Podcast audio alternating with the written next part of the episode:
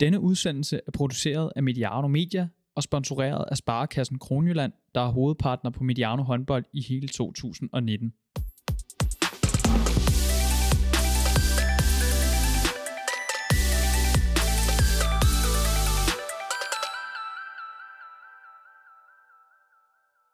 Mediano håndbold er kørt til Silkeborg, hvor vi skal mødes med to Bjergbro-drenge. Jeg skal nok spare jer fra, fra gætværket. Det er selvfølgelig Mads og Nikolaj Øres Nielsen, vi er på besøg hos. Mit navn er Emil Halkier. Velkommen til, og tak fordi du lytter med. En øh, optagelse for de morgenfriske, eller i hvert fald øh, for os, der ikke har børn. Der er det lidt tidligt, men øh, jeg går ud fra, at I, øh, I, er, I er rimelig friske, øh, Mads og Nikolaj. Ja, øh, jeg starter jo dagen nok lidt før dig. Øh, øh, jeg har kun to, og Mads han har jo tre børn, så øh, jeg, jeg er i hvert fald oppe lidt i seks. Det plejer sådan at være, være standard, så jeg, jeg har talt mig varm.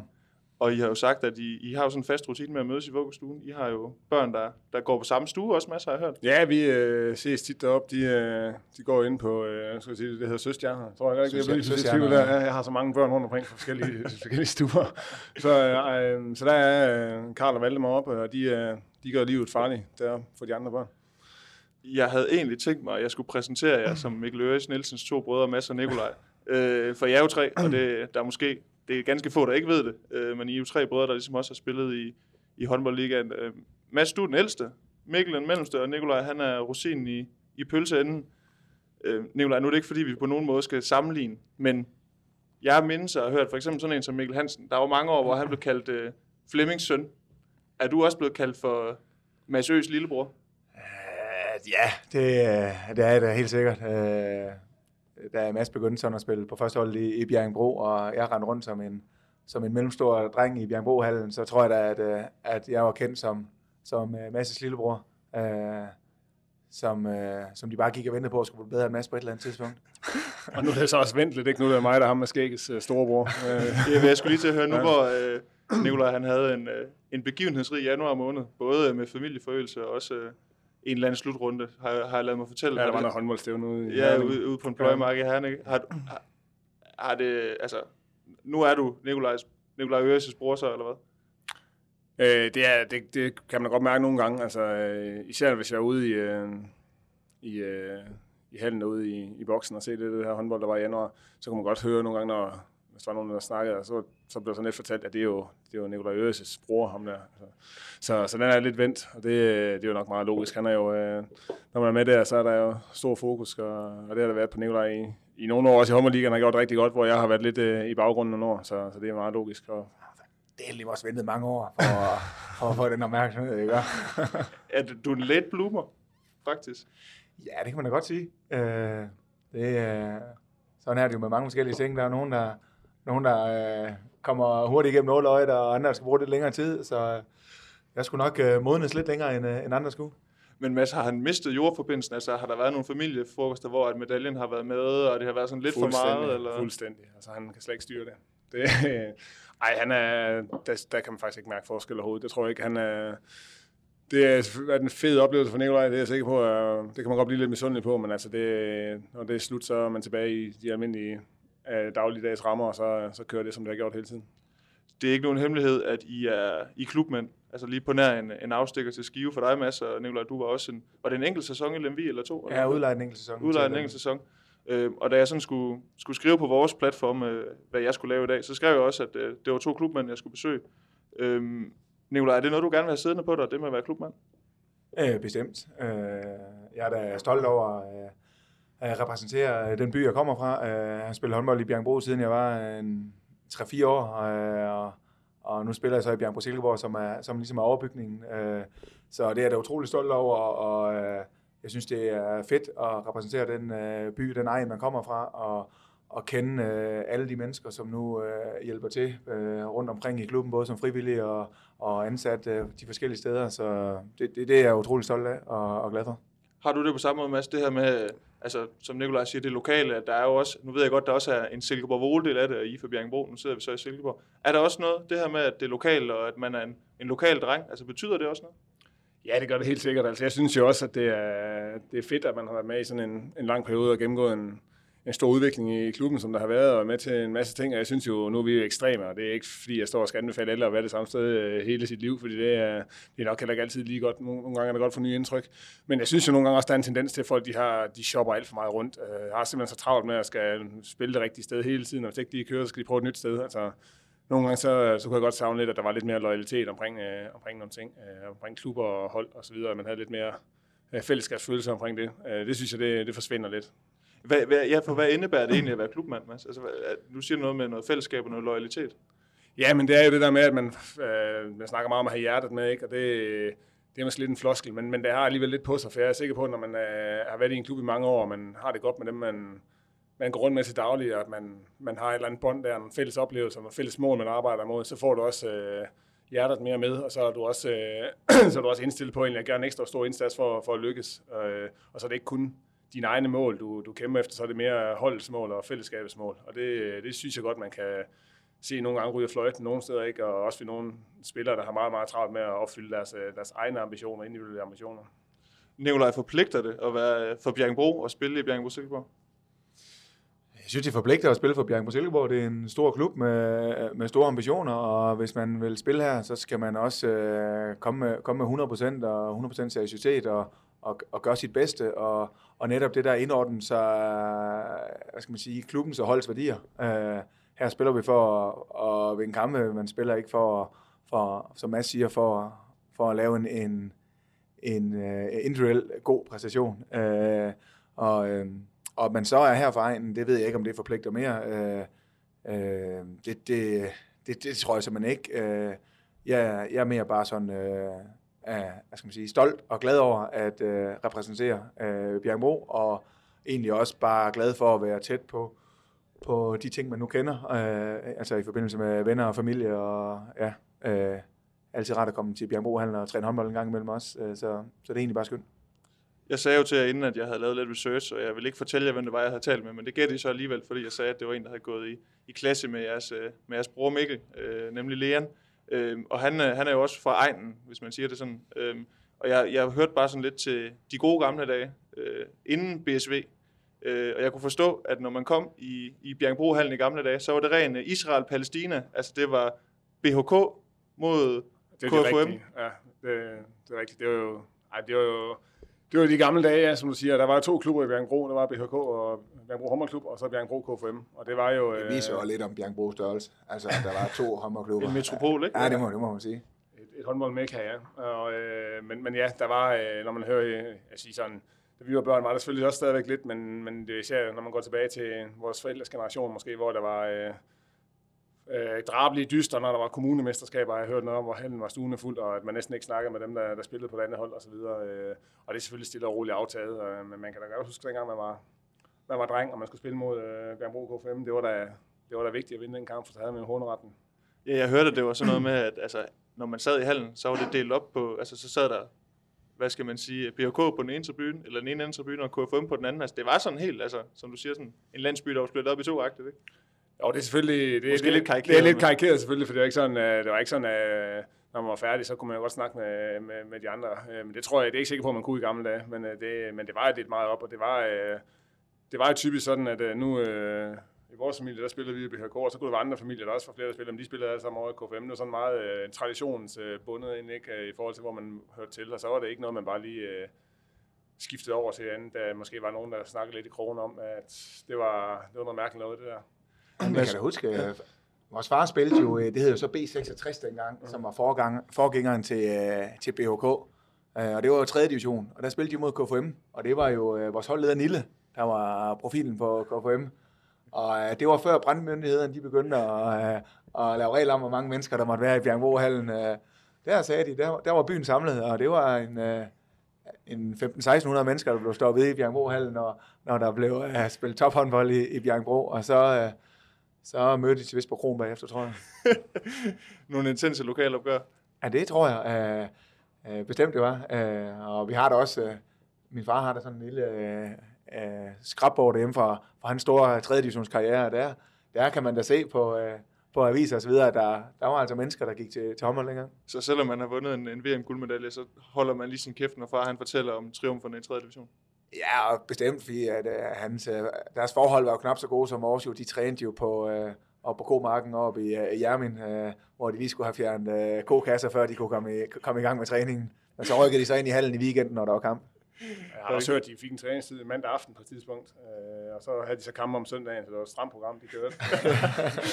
der er altså sket noget siden. Øh, altså, nu kan jeg af gode grunde ikke selv huske det, fordi jeg har alderen imod mig, og øh, jeg tænker at spørge dig omkring det, det er måske lidt for meget ananas i egen juice, så derfor vil jeg spørge dig, Nikolaj, fordi som jeg sagde, jeg har haft nogle følere ude, øh, blandt andet her i Bjergbro, og der blev enstemmigt sådan sagt i kor, at, øh, at Mads, han var fandme god. Altså, han var virkelig en dygtig ungdomsspiller. Øh, er det et rygte, som har spredt sig gennem årene, eller var der noget om det? Øh, jamen, jeg har jo altid syntes, Mads han var vanvittig god. Øh, fordi at, øh, når, øh, når øh, man boede på øh, Kildevej nummer 9 i Bjergbro, så gik det rigtig meget af tiden med at øh, spille håndbold, eller være oppe i hallen og, og se nogle andre spille håndbold. Øh, og jeg så altid Mads spille, og jeg synes, Mads var rigtig god. Øh, så, øh, men jeg tror egentlig også, at det overraskede mig lidt, og egentlig også ham selv, øh, om hvor god han egentlig var, øh, da han blev øh, øh, U18. Nu skal du rette mig, du var vel anden års U18, da de to klubber i Bjergbro blev slået sammen til BFH. Ja, korrekt. Øh, og inden det havde Mads jo egentlig ikke spillet på øh, sådan højeste ungdomsplan. Øh, han har lavet rigtig mange mål, men det var måske i det næstbedste række. Så var det jo, at klubberne blev slået sammen, og lige pludselig var der et sindssygt godt øh, øh, yndlingehold i, i Bjergbro, og øh, der synes jeg virkelig, det gik stærkt på Mads. Øh, og øh, inden for få år, øh, ja, I vandt ikke uh, øh, DM, I, I tabte DM, men det var så fordi, du ikke var med jo. Ja, vi var, der gik lidt, øh, jeg var på første station det år der, og så mange blev nogle stykker til DM, og fik, jeg faktisk ikke engang huske, hvad de fik, bronze, tror jeg. Ja, øh, men ja, så lige pludselig var han jo førsteholdsspiller i, i Bjerringbro, hvor han øh, et år inden spillede i øh, BHK Rødkærsbro i, i elite-rækken. Ja, men der, er ingen tvivl om, jeg, mit uh, ungdomsforløb har været lidt uh, atypisk, i hvert fald i forhold til, hvis du ser på det i dag. Igen, det var en anden tid dengang, men altså, jeg var jo, jeg spillede i BHK, og øh, som var med alle mine gode venner, som jeg har spillet med, siden jeg var, var lille, og det var også dem, jeg spillede fodbold med, og det var dem, jeg spillede tennis med, og det var dem, jeg spillede bordtennis med, og gik til 17 forskellige ting. Øhm, og der, altså, der begyndte man så på, på drengehold, der begyndte at komme på kredshold i kreds 4, og var med der, men og der begyndte også at komme noget med, med nogen, der begyndte at skifte klub til, og noget i Viborg, og der var forskellige ting, men, men jeg havde egentlig ikke uh, lyst til at skifte klub, jeg kunne ikke se. Jeg havde det jo, jeg skulle ikke væk fra mine kammerater.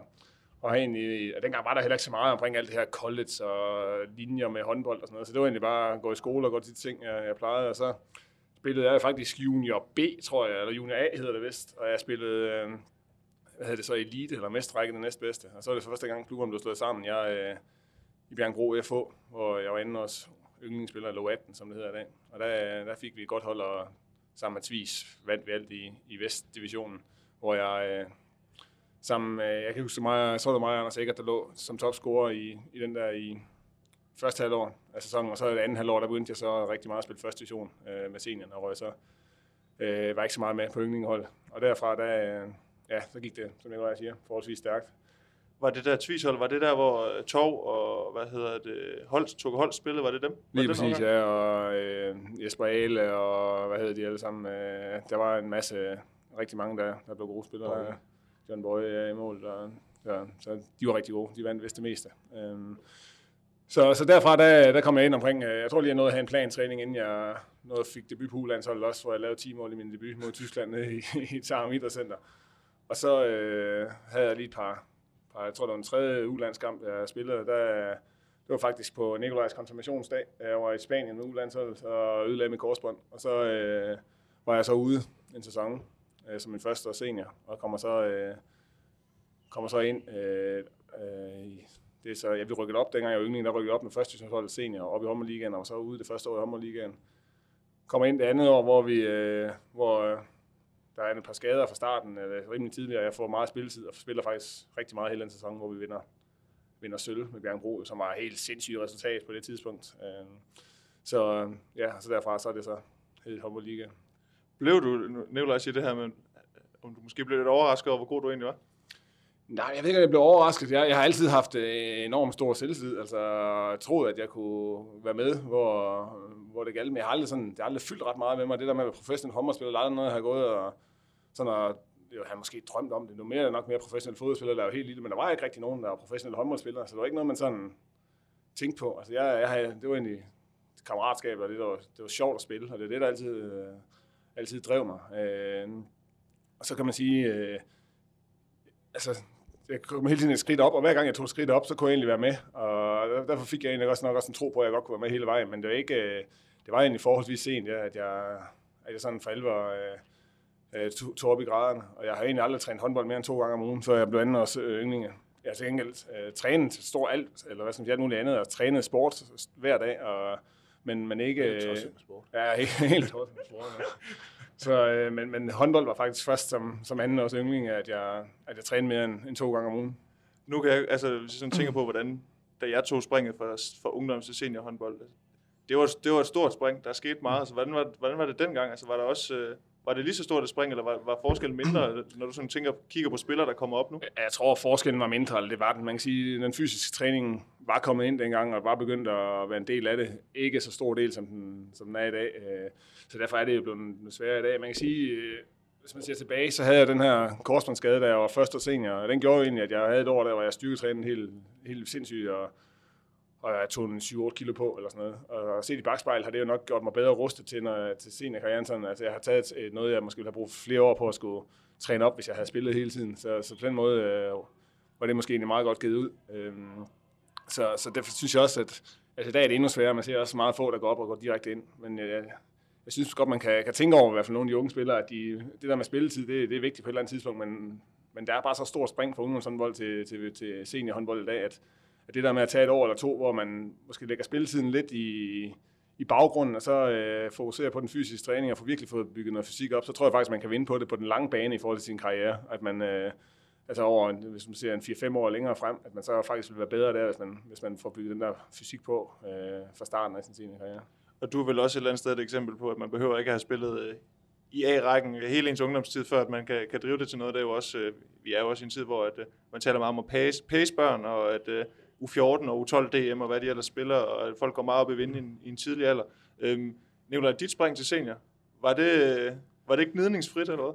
Mm, nej, det var faktisk øh, stille og roligt, vil jeg sige. Øh, jeg bliver jo senior det år, øh, BSV bliver etableret, øh, så der er jo en øh, senior-trup på øh, omkring øh, 4-25 spillere. Ja, så er der mange, ja. Fordi at der både er Bjørn Bro og Silkeborg Boles øh, spillere, der ryger i en fælles pulje. Ikke? Øh, så øh, der først og senior, tror jeg, vi var fire højre backs, øh, som jeg skulle kæmpe med. Øh, og, øh, og øh, ja, men altså, jeg havde egentlig ikke som alternativ at skulle andre steder hen. Jeg tænkte bare, at det er rigtig god træning, og så må jeg se, om jeg kan være med, og så en eller anden dag bliver jeg måske god nok til at, til at få nogle minutter. Øh, og der brugte jeg det meste af den første sæson på at, på at spille anden division, og så øh, trænede jeg med, med, med ligaholdet, og så begyndte i slutningen af den første sæson at, at give lidt minutter på, øh, på banen, og sæsonen efter spiller jeg faktisk øh, rimelig meget øh, min alder taget i betragtning. Og så er det jo så, at, at ligesom hele PSV tager, trykker lidt på speederen, og øh, Carsten og, og Nikolaj bliver træner, og der kommer lige pludselig øh, spillere fra, fra en helt anden hylde. Og der starter jeg så faktisk øh, lidt forfra igen, øh, i og med, at det hele det bliver, bliver skruet op. Øh, og har faktisk en sæson, hvor nærmest spiller mest fløj på grund af nogle skader. Øh, øh, men igen, øh, bruger træningen, øh, bruger det, at træningen er blevet løftet til et, et, et endnu højere niveau, og så synes jeg egentlig bare lige så stille, at sæson efter sæson øh, øh, fået en større og større rolle øh, til der, hvor man nu står i dag. Øh, så er der ingen tvivl om, at, at det år i Lemvi øh, også hjalp mig, øh, men det var jo først som fjerde år sen, jeg tror det er, at jeg er i øh, LMV, øh, hvor jeg havde trænet øh, rigtig meget øh, øh, øh for at få øget min, øh, øget min, øh, hvad skal man sige, min fysik og min, min hårdhed i spillet. Så, så der var jeg sindssygt godt rustet til at skulle spille øh, første division, og der kunne man, kunne man virkelig mærke den forskel på at spille med de allerbedste, og så skulle ned og spille øh, første division. Hvis din bror var lidt en træningsnarkoman, eller meget ivrig med sin træning, var du så også, havde du samme gen, eller hvordan gik du til din træning, dengang du var ung senior? Øh, jeg var rigtig vild med at træne. Jeg var rigtig vild med at være sammen med mine holdkammerater. Øh, men der var også mange andre ting, jeg var rigtig vild med. Jeg elskede også at have det, uh, have det sjovt uden for banen og lave uh, sjove og skøre ting med, med mine venner. Men uh, jeg altid elsket at træne håndbold og være sammen med andre og, og øh, ja, og få brændt noget krudt af. Jeg hørte også, du er en dårlig taber. nu har jeg aldrig tabt så meget, så... øh, så Kun det er hjemme i der- lejerum, der er. Så når man kommer i de der uvante situationer, hvor man prøver noget for første gang, så, så, så vil jeg da ikke afvise, at jeg har, jeg har øh, reageret lidt voldsomt. Jeg hørte bare noget om den irriterende lillebror, der godt kunne komme lidt op og toppes med den mellemste en gang imellem. Men jeg ved ikke, om det har noget på sig. Ja, jeg har været oppe og toppes både med den mellemste og den største i søskendeflokken. Øh, Det, øh, det, det er jo svært nogle gange at være lillebror og blive, øh, blive overladt til sig selv. Øh, Så må man jo prøve at, prøve at få skabt lidt, øh, få skabt lidt opmærksomhed. Fik, fik han mange tæskmæstinger her var barn? Altså, jeg er brødre. Ikke mere, end han havde fortjent, vil jeg sige. så ej, der har selvfølgelig været nogle, nogle fights øh, indimellem, det tror jeg, der er. Øh, det er vel det, man kalder søskende kærlighed. Men, øh, men bund og grund har vi haft rigtig meget gavn af hinanden, selvom der har været lidt år imellem. Vi har haft de samme interesser og, og kunne, kunne nyde hinanden øh, meget igennem øh, boldspil. Øh, så det, øh, men selvfølgelig har der været masser af fights, og det er jo ikke nemt at gøre noget, når man er op mod sin stærke storebror, så må man jo tage imod. Nej, jeg vil sige, der har været, øh, der har været høj bølgegang og høj intensitet i, i øh, vi havde jo et legerum hjemme øh, hos mine forældre. Jeg ved ikke, om det var det, det var blevet bygget til dengang, men øh, det blev det i hvert fald med tiden, hvor at, øh, der blev spillet rigtig meget skumhåndbold, og der blev spillet øh, bordtennis, og øh, hvad der nu ellers kunne, øh, fantasien nu kunne finde på. Øh, at sige, der blev skudt rigtig meget mini-straffe med skumhåndbold øh, i dørkampen. Øh, helt fra at øh, dørkampen den for stor, så satte vi jo... Øh, satte vi jo lige bobpinden ind som øh, overlægger der i dørkampen. Den passer lige helt perfekt, så, så kunne alle være med. Så når jeg stod på mål, så fik jeg lige bobpinden ind, og når Mads stod på mål, så, så kunne jeg godt skyde på, på, på fuld ramme. Og der var jo, det var faktisk usportslige øh, forhold, vi havde nede, for det var en dør, der stod over i hjørnet. Og øh, når man står og skyder der som højre hånd, så kan man jo ikke få hånden. Man kan kun få den til, til væggen, så man kan ikke få rigtig den vinkel på. Men Nikolaj han var venstre hånd, så han kunne jo fandme læne sig langt ud til den anden side, og så have vinkel over det hele målet. Og det, det var, sgu- det var lidt frustrerende, for det endte faktisk med, at han godt kunne vinde en gang imellem. øh, og Det var selvfølgelig derfor. Ah, det er jeg glad for, at du Øh, indrømmer. Det var selvfølgelig, det var selvfølgelig derfor, fordi han havde klart bedre øh, skudforhold, end, øh, end vi havde. Og Det er forudsætningerne for at lykkes, var, var væsentligt bedre. Er det der, at, øh, hvad skal man sige, køligheden for straffepletten, den er indtruffet der i, de, i barneårene der? Ja, det ved jeg ikke. Øh, Det jeg, kunne være sjovt, hvis du sagde ja. jeg, jeg tror mere faktisk, at, øh, at øh, hvad skal man sige, den der skud ud fra kroppen, godt kunne have, kunne have startet lidt med sådan en masse træning med, med, med skumbold, hvor jeg har lænet mig lidt ind over bordtennisbordet for at få den, øh, få den bedste vinkel. Det, det tror jeg faktisk godt kunne. Men ah, straffe, det, det, det, det, det tror jeg ikke, det var derfra.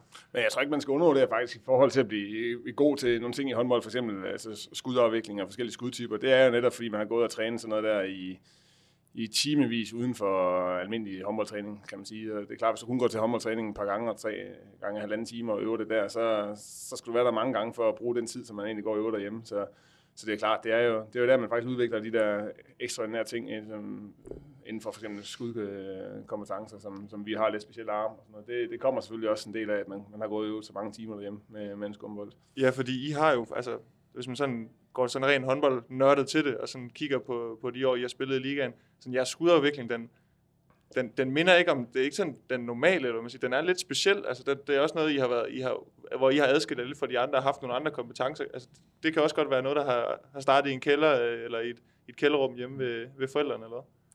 Det, det tænker jeg, det er klart, der er selvfølgelig også noget fysiologisk nok i, hvordan ens øh, krop er skruet sammen, men det er klart, når man øh, har gået så mange timer og øvet de der forskellige skudtyper, så, øh, så bliver man også bedre til det. Det er klart, altså det tror jeg da helt sikkert noget at sige. Så altså, vi skal langt hen i, øh, i hvert fald i, i min seniorkarriere, før jeg har trænet lige så mange øh, timer i en håndboldhal, som jeg har trænet øh, uden for en håndboldhal. Øh, jeg tør ikke tænke på, hvor mange timer man har brugt fra man var øh, 6 år, til man, var, øh, til man flyttede hjemmefra i, i det der legerum på øh, at kaste med skumbolde og spille bold ud i haven og alt muligt andet. Så man skal virkelig langt hen i ens karriere, for man opnår de samme antal timer i en, i en træningshal. Mads, nu skruer vi lige ned for Nikolaj her, fordi har du nogensinde gået og bandet og svogler, og det var ham, der fik den venstre arm der? Nej, det har jeg faktisk ikke været. Jeg har været meget godt tilfreds med, hvordan det, det, det er gået mig selv, og jeg er ikke sådan en type, der går og mi- misunder så meget, men det er klart, det, det, er, jo en, det er jo en kæmpe konkurrencefordel, kan man sige. Og, øh, og det, det gør jo, at man, øh, at, ja, man altså uden at træde nogle år til, så kommer man jo lidt nemmere til nogle muligheder i hvert fald som venstrehåndet, fordi der ikke er så mange, og det, det siger jo sig selv. Men, øh, men det er ikke noget, jeg, man kan da godt have en stille stund måske tænke, hvis man var venstrehånden, så kunne man, så, så kunne man måske have fået lidt, øh, så kunne man have gået endnu bedre, men altså, det er ikke noget, jeg sådan har brugt så meget tid på. Har I sådan en, sidder I nogle gange, Nikolaj, den der venstrehånds fagforening, og sidder og siger, åh, oh, det, er sgu egentlig, det er sgu egentlig rart nok, og der er, vi er sgu ikke så mange. Og... Jamen, jeg kan jo ikke helt forstå det, fordi at, øh, prøv at tænke på, hvor god jeg var, hvis jeg havde spillet med højre. Man ved jo godt, det er væsentligt lettere at kaste med højre, end det er med venstre. Altså, det her med venstre hånd er jo lidt ligesom at stille op i et Formel 1-løb i, øh, i en Formel 3000-bil. Altså, øh, øh, det, det er meget svært at kaste med venstre, og derfor kræver det også væsentligt mere træning, så, så jeg er sikker på, at jeg havde også været tilsvarende bedre, hvis jeg havde valgt at kaste med højre. Og nu har vi jo også fået, fået kortlagt, at uh, Nicolaj, din ældste, og Mads, din yngste, kaster med venstre. Ja, det er et spørgsmål om opdragelse, jo. Nej, det er vist tilfældigt, men det gør de begge to, ja. Jamen, efter gips i 6-7 måneder, så er det også svært at få gang i, i højre armen. Øh, så uh, nu må vi se, når han bliver lidt ældre, skal vi nok komme til lidt fysioterapeut for at få bare for lidt gang i højre arm, men uh, helst ikke for tidligt. det, er, det er målrettet børneopdragelse, skal vi ikke bare kalde det det? Ja, det, det er jo faktisk, man kan jo ikke, i hvert fald når man får sit, øh, for mit vedkommende får en dreng som, øh, som ens første barn, og man tænker jo straks, øh, han skal da spille håndbold. Og øh, første gang han får tager skeen i, i hånden, ikke, så, så lægger man da lige mærke til, om det var højre eller venstre, og øh, jeg lader da ikke afvise, at, øh, at jeg prøvede sådan at, at lægge den på venstre side af tallerkenen, og, når han skulle spise, for at se, om, om det kunne have en, øh, en indflydelse. Og det virkede? Ja, åbenbart. Nu kaster han i hvert fald med, med, med venstre, men jeg vil sige, at Masses, den yngste der, han, han er altså et skridt foran. Han, øh, han har altså noget af en tordenarm. Det, det, det bliver jeg nødt til at sige. Æblet falder ikke langt fra stammen. Nej, det, det er imponerende. Nej, man kan sige, det er jo lidt igen det der med, han, er, han har også en stor bror, der løber og spiller. Han har nærmest, før han kunne gå, der lå han bare kigget på det der, så han kunne også kaste en bold, nærmest før han kunne gå. Øh, så det er jo sindssygt, hvad de, hvad de tager til sig fra dem, der er større. Så han er, han er allerede godt i gang med at sige, og, og spørger hele tiden, om ikke skal spille. Så må vi håbe, at de har lyst til at spille håndbold. Det er i hvert fald det vigtigste. Det, øh, og der bliver stille heroppe. Nej, jeg, jeg er faktisk uh, lidt ligeglad med, hvad mine børn kommer, kommer til at lave, bare de ikke begynder at ride. Det er faktisk, uh, det, er faktisk det, eneste, uh, det, det eneste, jeg ikke ønsker.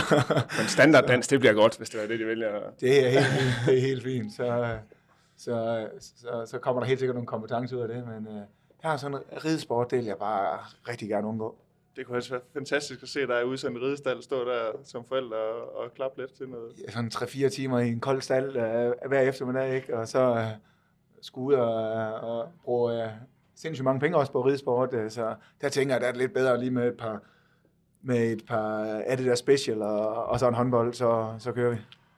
Jeg tror ikke, vi er så uenige der. Men øh, nu for lige at komme tilbage på, på sporet, eller prøve i hvert fald, så fandt jeg et, et gammelt billede, Mads, på din øh, Instagram-profil. Det er fra 2002, hvor ja. du øh, er i en Bjergbro FH-trøje, spiller mod Kolding ja. i en, øh, i en DM-finale. Øh, det er i hvert fald en finale, nu kender jeg Jan Trumle, det er en, han har, han har fortalt en gang eller, eller tre omkring de der kampe der. Øh, der er måske, øh, der er nogen, der har, der har dårlig hukommelse, så de kan måske ikke lige huske, at øh, Bjergbro faktisk har spillet en, en DM-final før. Der var noget, der hed BSV. Der er måske nogen, der har vokset op med, kun har vokset op med BSV. Øh, hvad var det for et hold, I havde i, i Bjergbro dengang? Jamen, det var et fantastisk hold, synes jeg. Det var det første seniorhold, jeg kom op på, og det var klart, der var jo, jeg var den helt unge, øh, og så var der en, en masse mere erfarne spillere, som jeg øh, fik rigtig meget gavn af, og de var rigtig gode til at tage imod mig. Jeg havde det virkelig godt, selvom jeg var den, klart den yngste, og meget øh, forskellige typer. Øh, og så var det et hold med masser, jeg synes egentlig, der var meget øh, karisma og sådan specielle, hvad skal man sige, typer med noget kant og så videre. Så vi havde jo et hold, hvor man snakker meget om, at det skal gå godt på et hold, men vi havde egentlig mange sådan der var gang i en til træning, og sige, der var tit nogen, der lige var oppe og tage fat i kravtøjet på hinanden, eller lige øh, kom til at gøre lidt forskellige ting, men det gav bare en, det gav også noget øh, dynamik og noget af et hold, der faktisk, altså, med, uden de helt store, vildt store profiler, der var ikke nogen landsholdsspillere og sådan noget, så, øh, så gik det bare skide godt, og vi overraskede alle, alle ved at komme ind i den der DM-finale. Og som en, som en 20-årig øh, lokal dreng, der var det øh, helt vildt, og det står stadig som, egentlig som noget af det største, fordi det var så, ja, det var virkelig første gang, man sådan var med, hvor det var sjovt, og så med et undertippet Bjergenbro Så det var virkelig, virkelig fedt. Ja, nu ved jeg godt, at I ikke vandt, men det er jo sådan lidt en her følgeagtig en, ikke? Altså, det, det, var, det, er, det er ret sindssygt. Altså, det, ja. det, det, vil ikke kunne lade sig gøre i dag, tænker jeg. Nej, det, det, det tror jeg ikke, at det kunne. Altså, det, det, det kan det selvfølgelig måske, hvis, men øh, nu ser man, øh, Skanderborg er lidt på vej til, øh, til at gøre noget godt igen, ikke? og det, det kan selvfølgelig ske, øh, men, men det, er, det var virkelig overraskende, og der var nogle fede typer, der var på holdet med nu nævner du Jan Trumle i mål, ikke? Øh, karismatisk type, som jo gjorde det fantastisk der. Vi havde øh, Heinz Kart på højre bak, som blev topscorer det år, var en atypisk spiller, men jo hamrede bolden ind, og en stor øh, profil i Jesper Holmris på, på playmaker-posten, som, som styrer det med, med hård hånd, en fantastisk øh, håndboldhjerne, som jo også i øvrigt er Bjergbro-dreng, øh, var født og opvokset der, ikke? og Ole Sørensen på stregen, også Bjergbro-dreng. Øh, vi havde ja, flere øh, anden målmand var Jesper Christensen, som egentlig også var Bjergbro-dreng og født og opvokset og, og spillede der altid. Øh, så. Og Jan Sørensen også, øh, som jo også lige Ole spillede han også der? Ja, Ole Sørensen også. Ja, så, så der var mange, der egentlig var født og opvokset i, øh, i Bjergbro, krydret med de her øh, profiler, øh, og Mikkel Lågaard, som også var en karismatisk spiller på, på højre fløj osv. Der var, der var virkelig, det var, det var, et, det var et fedt hold, øh, som jeg trives rigtig godt på, og som stadig står som, det var, nogle, det var en fed oplevelse. Var det sådan, Nikolaj, de lokale helte, de der Bjergenbro-gutter der? Ja, for det. Øh, det, var, det var voldsomt fedt. Jeg kan huske, øh, øh, det var i hvert fald en hverdagsaften, I skulle øh, spille ned i Kolding, og jeg havde fået at vide, at mine forældre måtte altså ikke tage med, det var alt for sent. Jeg skulle i skole dagen efter. Men det endte alligevel med, at jeg fik lov, og, øh, og øh, det, det, det, jeg kan stadig huske de der finalekampe, som øh, noget helt ekstraordinært. Øh, og øh, det, det var sådan virkelig noget, man kunne mærke i, i en lille by som Bjergbro, at, øh, at der virkelig skete noget stort for, for, for håndboldholdet. Så, øh, så ja, det var, det var der med til at, at vække øh, interessen for, for håndbold i, i Bjergbro, og også i, i meget, meget videre end, uh, end Bjergbro, fordi dengang var Bjergbro jo faktisk en klub, som man, som man tog til uh, for, for stor afstand. Uh, Uh, helt fra, fra Randers til Viborg kom spillere for, for at spille ungdomshåndbold håndbold i Bjergbro, og det, det blev det der ikke, ikke ringer af, at uh, første hold også gjorde det godt. Hvad, hvad, det Kolding-hold, I møder der, Mads, hvad, nogle profiler, hvem var det, I mødte? Altså, bare for at få nogle navne. Ja, men hvem var det? Det var jo, øh, hvis vi tager fra venstre mod højre, ikke Boris Snugel, Lasse Bosen, Patrick Vesterholm, øh, Bilal Schumann, Claus Flensborg, og hvad havde de på, ja, på Spillerberg? Øh, var han, nej, var han, han var ikke dengang, tror jeg, var han det? Jeg tror, han var i FIF, var han ikke det? Nå, men i hvert fald på stregen også øh, var det jo var det Pelle Linders og Siversen og hvad hed han, øh, Frederik Olander i morgen, så er det sådan, sådan dem, der, der bar der. De var jo storholdet på, på det tidspunkt. De var halvgode.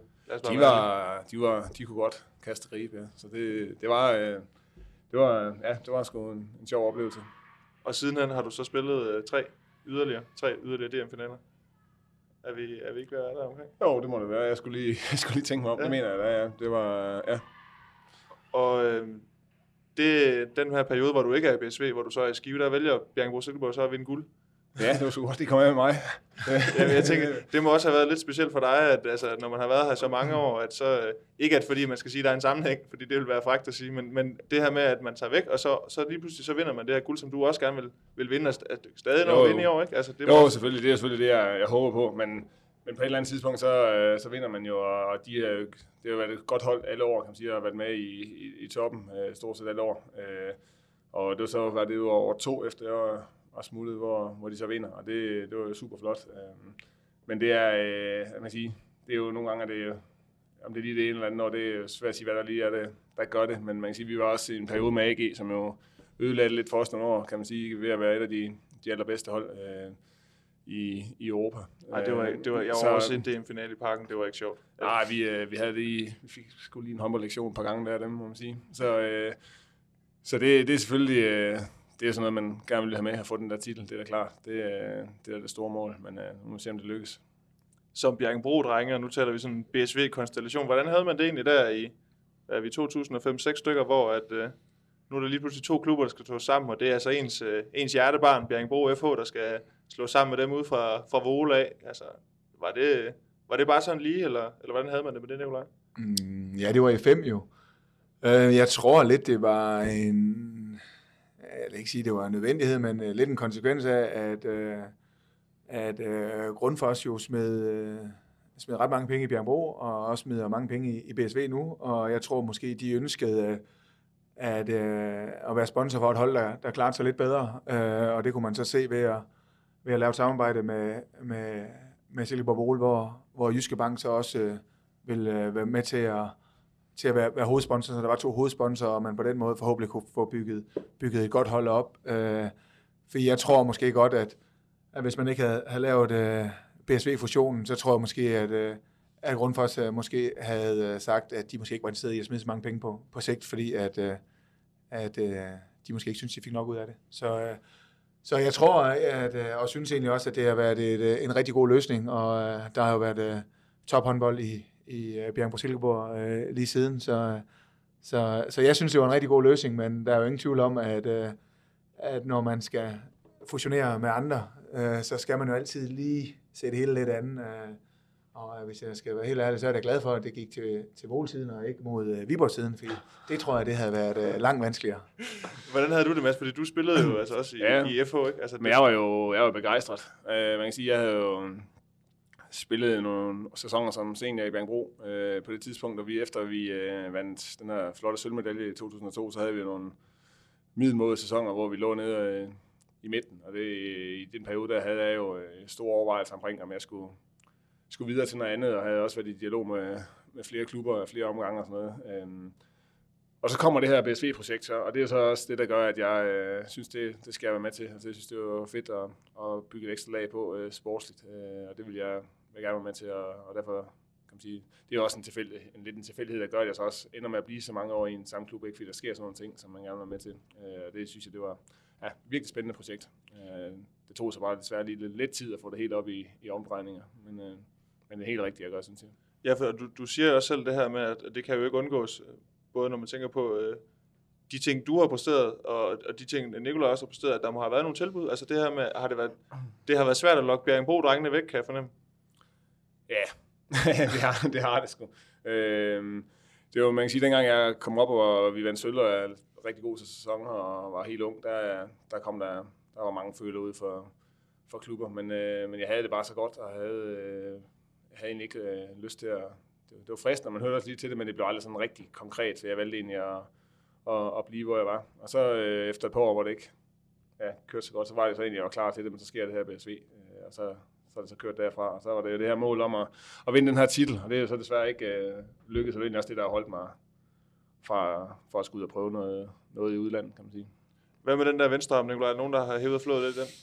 Ja, jeg ved ikke, om der er nogen, der er hævet flået, øh, men om man kunne man sige, at hvis jeg gerne vil afsted, så tror jeg også godt, jeg kunne, kunne finde et sted at spille. Øh, men jeg synes bare, der er så mange andre ting, end at altså, skulle spille i udlandet. Altså, der, jeg ved, der er mange, der, der drømmer og synes, det kunne være øh, det allerfedeste i verden at komme til et andet land og spille. Øh, sådan har jeg det ikke øh, sådan rigtigt. Jeg synes det egentlig, det er meget federe at være i nogle, i nogle andre og trygge omgivelser, hvor, hvor jeg ved, at jeg har det godt. Så kan det godt være, at, at man ikke tjener helt lige så mange penge, og temperaturen er lidt lavere, end den er i, i andre lande, men, men det er egentlig her, jeg befinder mig, befinder mig bedst. Vi skal nok øh, komme tilbage til det med udlandet bagefter, fordi der har jeg også fundet øh, nogle gamle citater fra, fra blandt andet dig, Nikolaj, som øh, måske, der var måske en lille udlandsdrøm på et tidspunkt, men det kan vi lige vende tilbage til, men man, man skal jo heller ikke for langt væk fra Pizza Barbaros, har jeg hørt. Nej, ja, nu er jeg jo, bor jeg jo i Silkeborg nu, så det, Jamen, det er jo stadigvæk lige i 86, overkanten. 68, 09, 87, er det ikke? Nå jo, lige, hvis du bestille, så kan du i hvert fald ringe 86 68 09 87. Og der vil jeg anbefale en femmer. ja, for jeg skulle høre, hvad var det dig, du holdt, vi plejede at spise dernede? Jamen, jeg var jo altid, altså i mine unge dage, der fik vi jo frokostpizza. Der fik vi i hvert- i hvert fald 3-4 gange om ugen til 25 kroner. Uh, og der fik jeg altid en, uh, en femmer, uden løg dengang. Uh, senere hen har jeg så valgt at, at beholde løgn, og dengang skulle der også dressing på, og chili. Uh, og så havde jeg min gode kammerat Duholm jo, som jeg spillede rigtig meget håndbold sammen med. Han skulle altid have en, uh, en tor med, med kebab og dressing. Gik der lidt for meget pizza i den i de år der, eller? Uh, nej, det synes jeg jo ikke. Altså, hvis man kan få en, øh, en frokostpizza af en uh, rimelig størrelse til 25 kroner, så synes jeg, det er jo med at slå til, uh, mens man kan. Så det, der, er også, der var noget fornuft i det. Ja, men jeg synes, det var et rigtig godt tilbud, det, det synes jeg. Øhm, Mads, som jeg sagde, at, øh, du har været i Skive, Nikolaj var også lige en enkelt sæson i, i Lemvig på, på udlejning. Øhm, Mads, var det egentlig specielt, det her med at skulle sige farvel til BSV dengang? Eller det, det var Ja, måske et dumt spørgsmål. Ja, men det var jo, men det var jo specielt. Altså, det var ikke, øh, man kan sige, det var ikke noget, jeg valgte frivilligt. Øh, Jeg, jeg fik jo ikke forlænget min kontrakt og røg lidt ud af bagdøren på, på det tidspunkt der, og det var selvfølgelig, det er selvfølgelig ikke sjovt. Både fordi det er aldrig sjovt at blive kasseret, øh, det er, jo- men det er jo en del af gamet. Øh, en anden ting er så, at jeg, når man har været der så mange år og egentlig havde sådan, hvad skal jeg sige, valgt at sige, det var det, øh, man skulle øh, være resten af sin karriere nok på et eller andet tidspunkt, og man så ikke øh, får muligheden for det. Øh, det er selvfølgelig ikke sjovt, men men, øh, men, men det er jo en del af gamet. Det er jo, det er helt klart, og det er man jo helt i sin, i sin gode ret til at, til at gøre. Øh, så det var selvfølgelig vemodigt. Øh, for mig var det jo mere måden, det skete på dengang, der gjorde, at jeg var lidt, øh, lidt skuffet. At, øh, ikke fordi jeg skulle have speciel status, fordi jeg har været der mange år, men jeg synes godt, man kunne have gjort det på en lidt pænere måde, end bare lige øh, en tilfældig dag at hive mig ind til siden og sige, at nu øh, får jeg ikke forlænget en kontrakt. Øh, men det er, det er så, hvad det er. Derfra så, øh, som om, det der så var det sværeste næsten, det var næsten bagefter at finde ud af, for man tænkte, når man lige har sundet sig et par dage, så, så har man jo lidt, okay, det, det skal nok gå, der er masser af steder at spille, og jeg har masser af lyst til at spille håndbold. Men når man så, øh, så finder man så ud af, at der øh, var lige lidt kontakt til et par klubber i starten, men så finder jeg egentlig ud af, at der faktisk ikke rigtig er, øh, er så mange muligheder, hvis det skal være noget, jeg skal leve af. Øh, jeg var egentlig muligheder, hvis jeg gad at tage til udlandet, altså forskellige steder. Øh, Norge og Sverige med masser af muligheder, og skulle også komme i Sydeuropa, og der var forskellige muligheder, eksotiske steder, men det var egentlig ikke det, der jeg skulle hen med, med børn og familie og kærester, arbejde og hus og alle de her ting. Så det blev skive, og det, øh, det var klart, det var ikke øh, det, var ikke det jeg havde troet dengang, øh, at jeg startede med at finde en klub, men, men det var det, der var den bedste alternativ, at komme ind i Jyske Bank også og fik nogle timer derinde. Og det, det, var, det var egentlig super, og det vigtigste for mig var jo egentlig, at komme til at spille noget håndbold. Men, men det var klart, det var ikke, det var ikke, det var ikke sådan den fedeste oplevelse. Jeg, jeg kunne godt mærke, at der var mange, der tænkte, at hvad var jeg dengang? 32, at sådan, de, okay, Mads Øres Nielsen, han er 32, han har spillet i BSV altid. Han, øh, sidste års tid har han mest siddet på bænken, og han er sgu nok ved at være færdig. Altså det var sådan min opfattelse af, hvad folk de, de tænkte. Så det var egentlig det, der var der sådan vækkede en, en trods ind i mig. At det, sådan følte jeg overhovedet ikke, det var. Jeg var godt klar over, at jeg har haft en periode, der ikke var den bedste, men, men det er der sgu mange spillere, der sådan har haft på et eller andet tidspunkt. Ikke? Så, så det var egentlig det, der, der drev mig, det der med, at, at det, jeg, jeg er ikke færdig. Jeg skal vise, at jeg ikke er færdig. Altså, var, var det noget, I snakkede om, Nicolaj? Var det, var det altså, fordi I er jo både har spillet på hold sammen. Altså, var det også lidt specielt for dig, at uh, I, altså, I har været vant til at spille sammen i mange år, og lige pludselig så skulle Mads ikke spille i, i BSV? Ja, men selvfølgelig. Uh, jeg havde da gerne set, at, uh, at Mads han skulle uh, fortsætte, og jeg kunne da også fornemme, at, uh, at, det, at det gjorde ondt, uh, både på ham, men uh, også på mig. Fordi at, uh, jeg synes, at Mads han havde uh, fortjent at, skulle spille, uh, ja, lyst til at sige alle de år, han har lyst til i, i, uh, i BSV, men...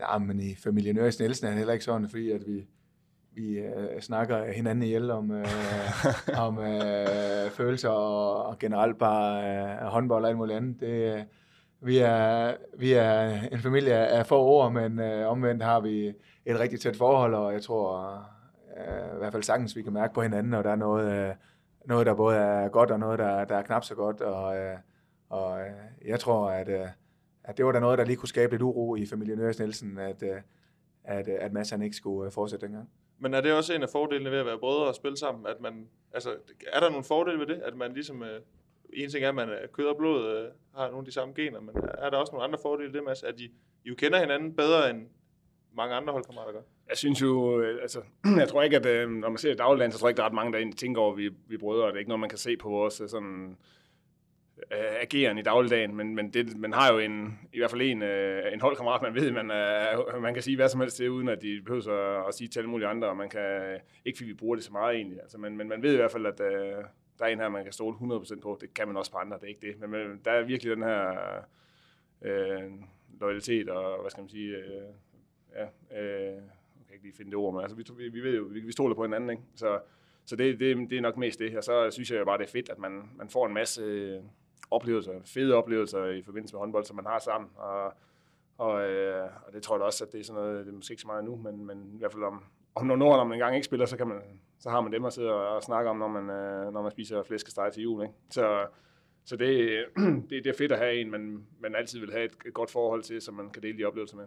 Man kan godt læse hinanden på en anden måde. Altså, jeg kan jo godt, jeg kan bedre læse uh, Mads, altså i, i forhold til, hvordan uh, hans humør, eller uh, udstråling er i forhold til en anden holdkammerat. Fordi at, øh, jeg har spillet med ham hele min karriere, samtidig med at jeg er opvokset med ham, og jeg ved ligesom godt, hvad, når han begynder at stå og stampe over jorden, så ved jeg godt, hvad det betyder, eller han begynder at, at gøre nogle forskellige ting. Øh, så på den måde, øh, på, på, på den måde kender man jo hinanden på en helt anden måde. Øh, men jeg kan huske, øh, hvis vi skal snakke om øh, store spillere, der har været i BSV gennem tiden, da vi havde en rigtig dygtig playmaker i Andy Schmidt, der troede han jo faktisk ikke på, at, at vi var brødre, da han, han kom han, til. Han vidste faktisk ikke, tror jeg, da han, han kom. vidste ikke, og ja. han troede faktisk ikke på det, da han blev fortalt, at, at, at vi var brødre.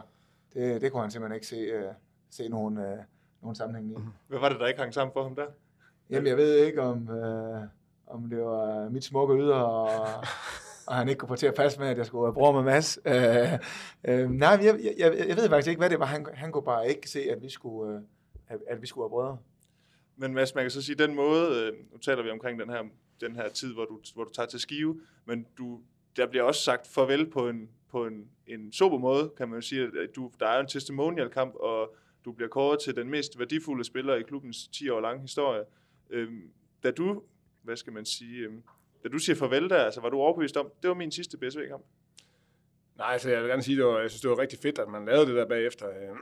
med testimonial-kamp, det var en, en rigtig god dag for mig, og jeg havde en masse af dem samlet, som jeg har haft nogle oplevelser med, så det var en super dag, og, og fedt, at de øh, folk i klubben, der tog initiativ til det.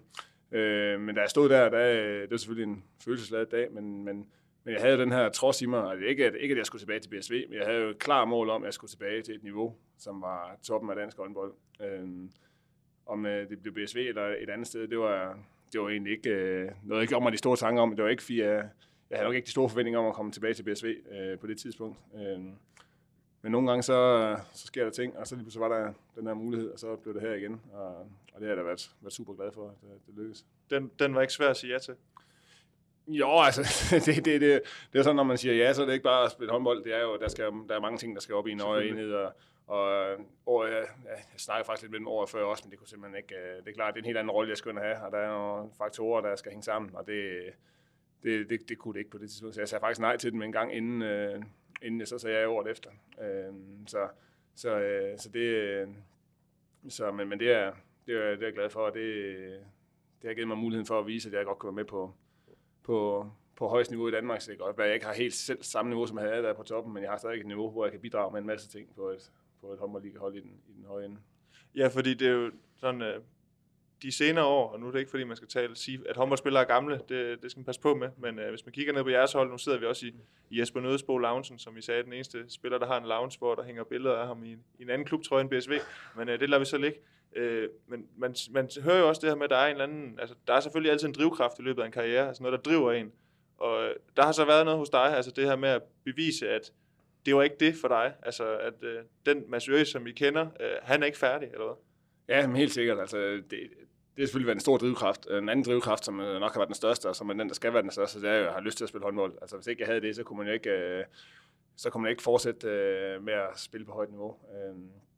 Det er klart, men altså, det, det, det var den her trods om at, at vise, at man, man kunne være med, der virkelig også gjorde, gjorde, gjorde meget. Og, og det program, jeg egentlig kørte, da jeg startede i Skive, det var jo, det kunne jeg i hvert fald ikke have kørt, hvis ikke det fordi jeg havde en, en, en, en stor tro på, at det kunne lade sig gøre, og en stor lyst til at, til, at, til at det skulle lykkes, fordi det var jo, altså jeg stod op og arbejdede i Jyske Bank fra 8 til, altså jeg havde 30 timer om ugen, altså fordelt på, på hele ugen, og så kørte jeg til Skive og trænede håndbold øh, tre gange om ugen om aftenen, men samtidig med, at jeg havde øh, to børn og en, og en familie derhjemme, øh, så det var jo en sindssygt lang dag, jeg kørte, øh, så, så, så det var jo lysten, at skulle drive det, og, øh, og det var fedt, og det giver også nogle andre ting, man kan sige, øh, jeg var jo jeg overvejede også at stoppe helt længe i BSV, for jeg kunne ikke, altså, den løn, jeg fik for at spille håndbold, var jo noget helt andet, end jeg fik tidligere. Jeg kunne ikke, øh, jeg kunne ikke leve af det og skulle andre ting, men, men, men det var ligesom lysten der, til at spille, der, der, der gjorde, at jeg fortsatte. Ikke? Og, og, øh, og det, det, det, viser også bare, at man, altså man lærer også nogle andre ting, jeg sige, men man finder ud af, hvor godt man egentlig har haft det. Altså ikke, at man, det er stadig kortere, og, og der er mange krav, når man spiller her, men, men det, der, det der med at og, øh, bare have tid til håndbold og koncentrere sig kun om håndbold, det er jo, en, det er jo en, et privilegie.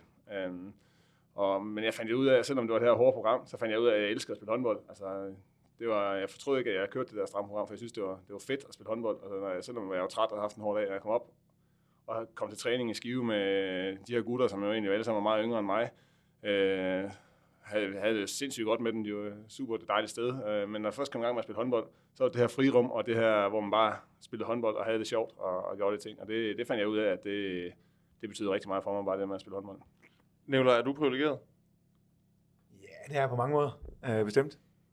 Det var bare at tænke, nu øh, bliver det, bliver det tydeligt, når man sådan, sådan, du går du en parallel med din bror og ser hans karriereforløb, så ligesom det der med at minde sig selv om, at det jeg, det, jeg lever lige nu, øh, det skal jeg sgu egentlig lige huske at nyde også, fordi øh, hold nu op, hvor har vi det egentlig godt også håndboldspillere. Jo, men altså, det har jeg snakket med, med mange om, øh, rigtig mange gange, at, øh, at man er privilegeret som håndboldspiller. Øh, du får lov til at lave det, du allerhelst vil, og, og samtidig får du en løn, som, som gør, at du kan få, få hverdagen til at, til, at, til at hænge sammen med, med alle de udgifter, man nu har. Øh, men omvendt tror jeg så også fra, vi startede træningen den, øh, den 20. juli, og så til nu, øh, tror jeg, at øh, jeg havde øh, det, man kan kalde ferie fra den 22. december til den øh, 27. december. Det, er, det er det eneste ferie, der har været, øh, og kan måske tælles to gange, at, øh, eller tre gange, at man har haft øh, to sammenhængende fridage. Øh, så det der med, at, at det bare er, er ja, altid bare så nemt at være håndboldspiller, det, man, man giver også afkald på, no, på nogle andre ting. Øh, jeg er helt enig, og det er også derfor, det, når jeg siger, at man er privilegeret, det er ikke fordi, jeg mener, man er, jeg mener ikke, man er sådan set er forkælet. Det er, bare, det er jo bare privilegeret at kunne bruge al sin tid på det, man allerhelst vil. Altså i forhold til, til alternativet, som jeg så kom til. Øh, og det, og det, for jeg, jeg kan også selv blive irriteret, man hører tit den der, ah, du er også bare, så træner jeg lige lidt, og så holder jeg lige lidt fri. Og det er sådan en, der, det irriterer mig grænseløst. at, øh, fordi der, jeg tror ikke, der er ret mange, der egentlig ved, hvor meget energi og tid man egentlig bruger på, på ting indimellem. Altså, og hvis man begynder at lægge timer sammen, jeg kan huske, jeg gjorde det jo faktisk, øh, dengang jeg havde for meget tid, og nogle gange skrev nogle indlæg på sådan en blog, jeg havde, der... Øh, du var blogger? der, der, der, hvad hedder det, der gjorde jeg jo, øh, der gjorde jeg timerne op en hel sæson, fordi jeg netop tit har mødt det her spørgsmål omkring, altså hvor, hvor meget træner jeg egentlig, hvor meget egentlig afsted, og man havde en, en fornemmelse af, at man brugte meget tid, men man vidste faktisk ikke, hvor meget, fordi det, det var meget øh, sådan diffust. Så jeg gjorde faktisk op i, øh, i et Excel-ark øh, og skrev ind hver uge, hvor mange timer vi var afsted hver dag, fra vi mødtes til vi tog, måtte tage hjem igen. Øh, og hvis vi var ude i kamp, så var det fra vi mødtes til vi mødte ind og kunne køre, øh, gå fra bussen igen og de her ting. Øh, det, var så, det var også en Champions League-sæson, og det viste sig faktisk, at de antal timer, der blev brugt på en hel sæson, det svarede til 20-30 timers job. Øh, der var så ingen tillæg for aften og, og natarbejde og sådan noget, øh, men så, så, så i timeantal er det jo faktisk, svarer det faktisk til et almindeligt fuldtidsjob. Det er jo bare lidt skæve arbejdstider, øh, og ikke så meget måske i, i hverdagen altid som, som almindelige jobs. Øh, så der er jo en, og dertil kommer jo alle de der ting, man selv gør oveni. Hvis man selv ser lidt video øh, på en kampdag, så forbereder du dig faktisk hele dagen. Du øh, skal ind og hvile, og du spiser rigtigt på de rigtige tidspunkter. Du skal tidligt i seng dagen før, og alt det her. Det er jo ikke med i det, så det er jo, det er jo en, så der er jo så det der med, at det er bare en dans på roser, det er jo det er noget værd vås, og det, det synes jeg godt, man nogle gange kan. Der er folk, de ved faktisk ikke helt præcis, hvad det, hvad det indebærer altid. Og I ser jo meget video her i BSV, Nicolaj, har jeg hørt.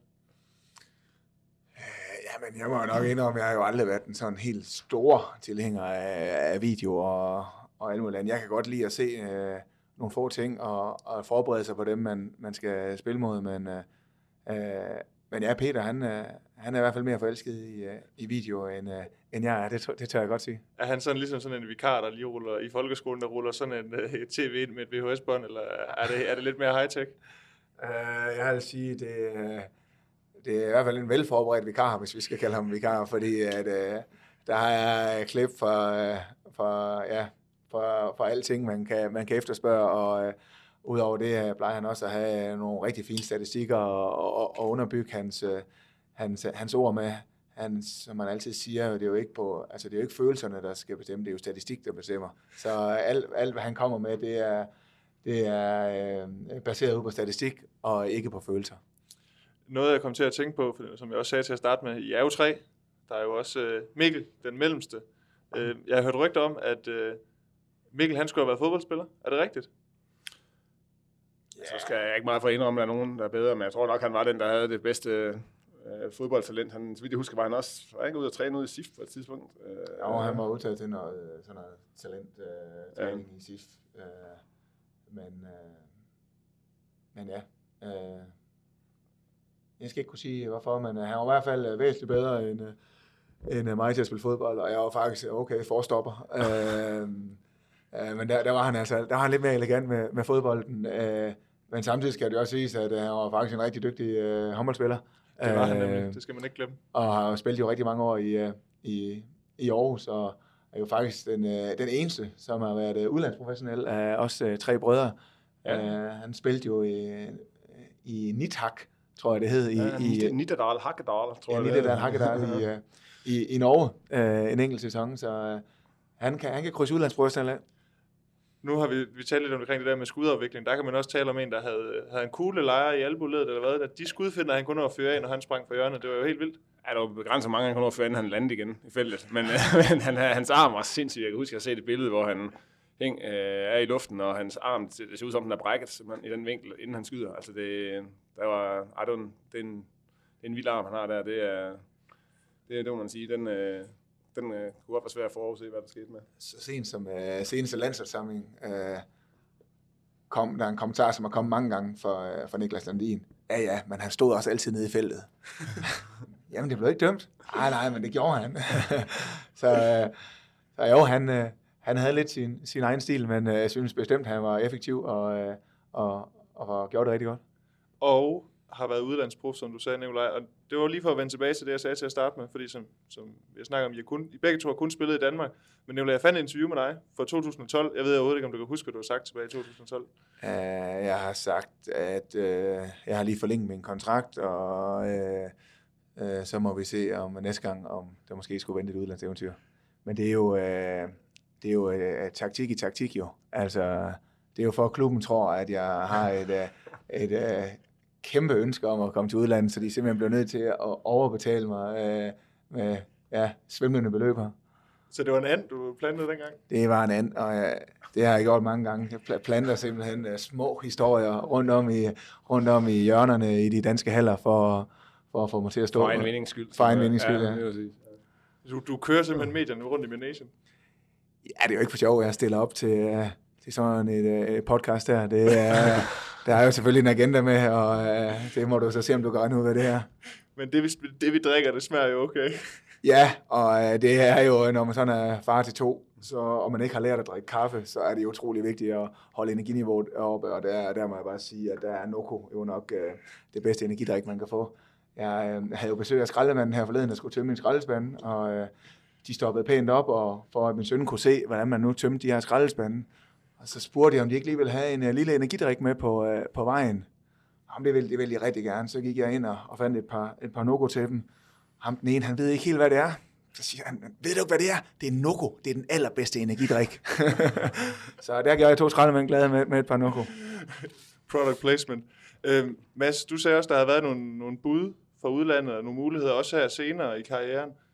Hvorfor tog du egentlig ikke afsted? Fordi der må også have været noget tidligere i karrieren. Det kan næsten ikke undgås. Ja, man kan sige, øh, der har været lidt, lidt forskelligt, men der er aldrig noget, sådan rigtig er gået, gået ind i. Man kan sige, sidst på karrieren, der har det jo, der kan man sige, der har det været øh, oplevelsen. Man godt, det har også været nogle okay klubber, i, men ikke, ikke topklubber i Europa selvfølgelig, men der er topklubber i, i, i Norge, Sverige og måske i, i Portugal og sådan nogle ting, som, som bare ikke kan passe ind familiemæssigt.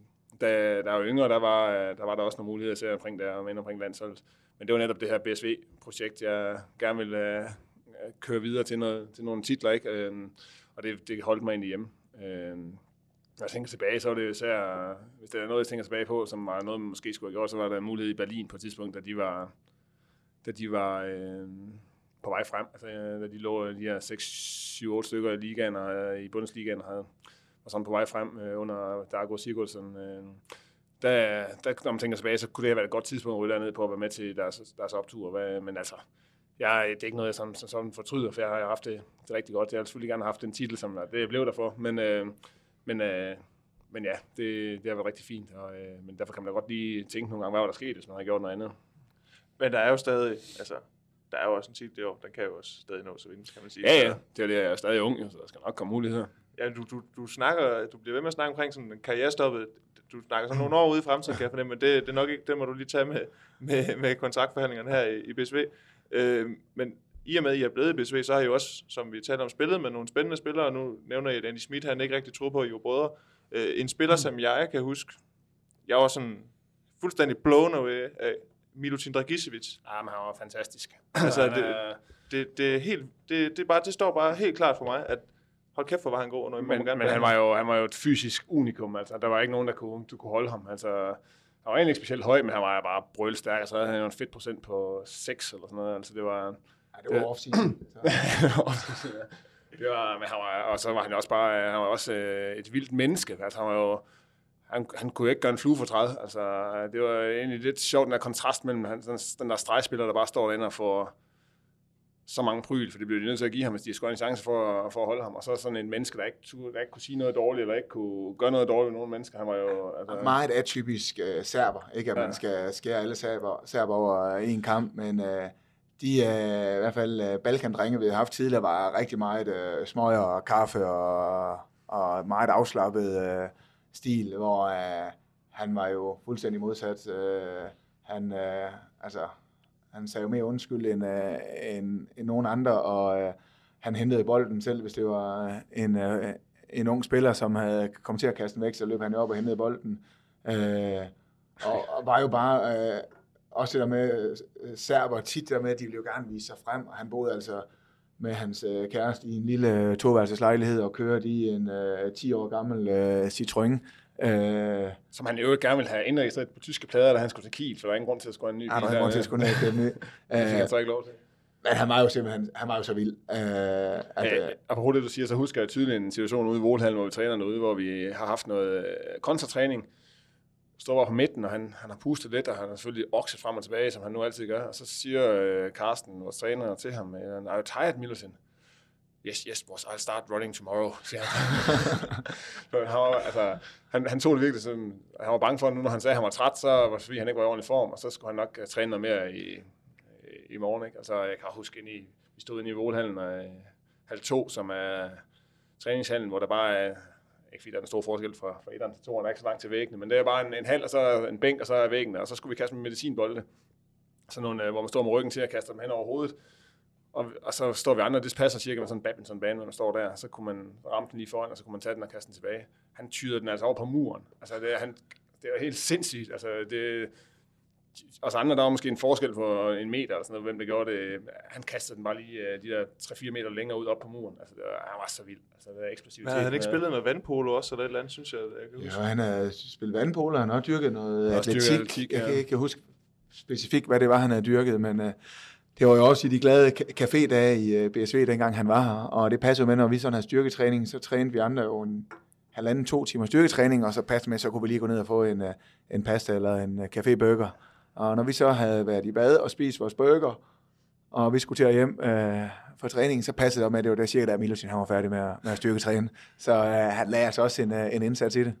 Var, var- han så vild, altså også til træning, nu så man jo bare kampene, og som du også sagde, Mads, altså, det var jo sådan på et tidspunkt, at folk gik jo også måske lidt unødigt hårdt til ham, blev der i hvert fald talt om, fordi han bare var så god. Altså, Jamen fuldstændig. Han, og han, øh, så snakker man meget om film og, og spil på det, og lige gør lidt værre for at få noget med. Altså, han sagde jo aldrig et kvæk. Altså, jeg, jeg husker også, øh, vi var til en opstartsturnering nede i, øh, i øh, Slovenien, øh, hvor vi spillede nogle træningskampe mod nogle andre hold dernede fra øh, Balkanhold, som gik til den, og, og ude i omklædningsrummet bagefter, så, så tager han trøjen af, at jeg selvfølgelig skal i bad.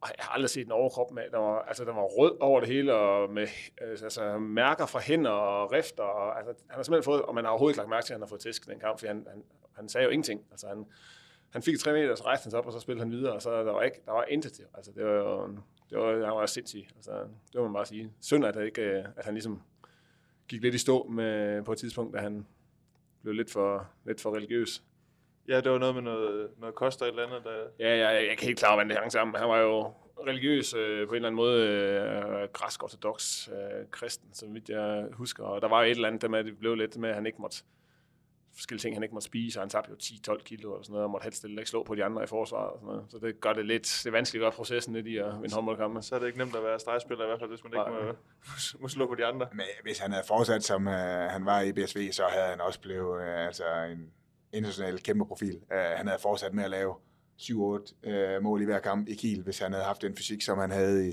i de første to år i, uh, i BSV. Det var, det, var, det var helt vildt. Er han, øh, det er så, så svært sådan noget med at snakke om, hvem der har været de bedste. I har også fået lov til at spille med nogle gode stregspillere her i de sidste par sæsoner, må man sige. Men altså, han er vel deroppe omkring altså, de bedste stregspillere, også hvis man sådan en enkeltstående sæson. Jeg ved godt, der er en Robert Gundersen, der lavede 1000 mål i en sæson og sådan noget. Men det er vel ikke, der er ikke mange, der, der er deroppe omkring, som det han præsterede i de sæsoner. Nej, det er det ikke. Han, er, han var unik, og det også fordi han var en helt anden type, end man siger. Han var så eksplosiv. Altså det der med, altså, det var meget med, jeg husker, øh, altså, han skulle bare være foran stregspiller, eller foran forsvarsspilleren, altså, så kunne bare lægge den ind til ham foran, så rev han den jo bare rundt. Altså, det er husk Nikolaj Jakobsen, der stod, og, som han nu kan, og, og, og råbte og skreg der på, at spil nu bare ind til ham, han er foran ham. Ja, han er ikke fri, men ja, bare han er foran ham, så, og, på den, så, så, skulle han nok, så skulle han nok øh, få et eller andet ud af det. Altså, så Det- det var vildt.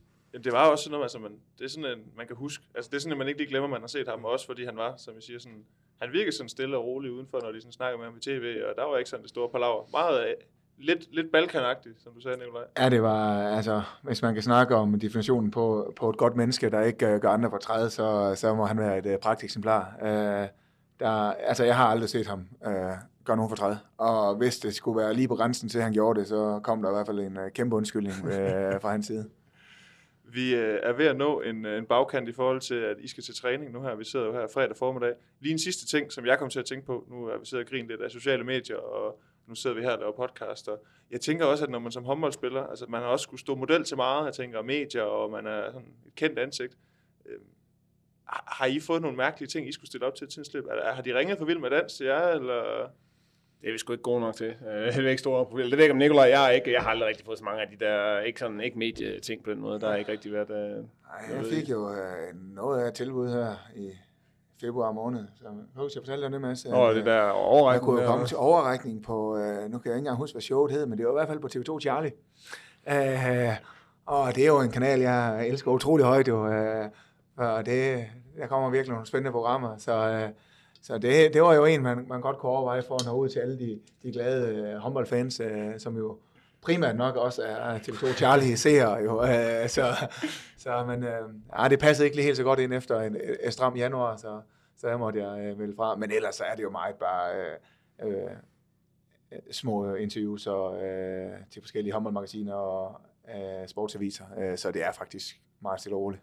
Var det fordi, at Paul Krabs han ikke spillede, at du ikke gad at komme?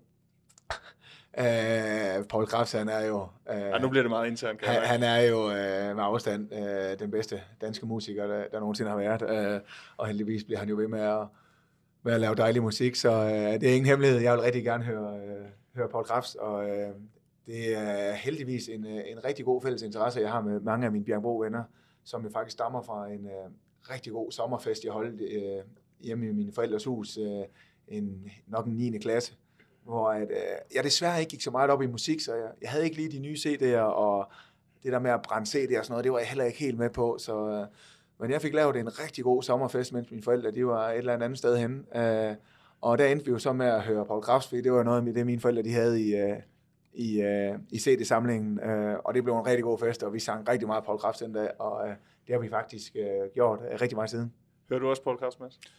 Jeg kan da godt øh, et, par, et par strofer fra nogle af hans sange, men, øh, men det er ikke noget, jeg hører så meget. Men øh, jeg har også haft en periode, hvor vi hørte øh, Johnny lå i garagen og skiftede alufælge og de der ting. Øh, så ej, det, jeg, synes, jeg synes faktisk, det, når man har sådan en, en sidder nogle stykker samlet og i, i fest i lag, så er sådan nogle sange, hvor man lige øh, kan teksten og scrolle lidt med på det, synes jeg, det er fantastisk. Og der er Paul Krabs jo øh, en af de gode.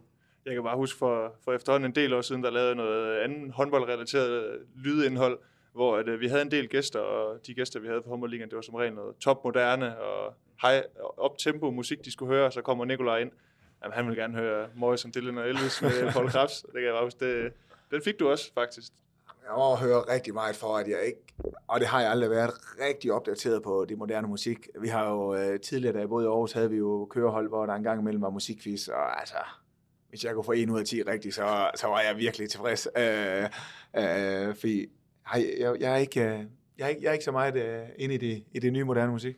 Men så lad os uh, lukke af på Paul Krabs, og så uh, sige tak for i dag, og fedt, at I har tid og lyst her. Nu klokken 10 år. Var det kvart over, vi skulle gå senest? Ja, vi skal bare være klar her om 20 minutter. 20 så, minutter, okay, så vi når det. Men det var fedt, at I havde tid og lyst til at være med sådan en, for mig tidlig fredag formiddag, for jer en uh, helt almindelig, uh, helt almindelig fredag. Uh, og også tak til Sparkassen Kroneland, der er hovedpartner på Mediano håndbold. Find os på Facebook, Twitter, Instagram, Soundcloud, Spotify, Apple Music, hvad det ellers hedder alle sammen, der er vi til stede. Tak for i dag, og vi lyttes ved.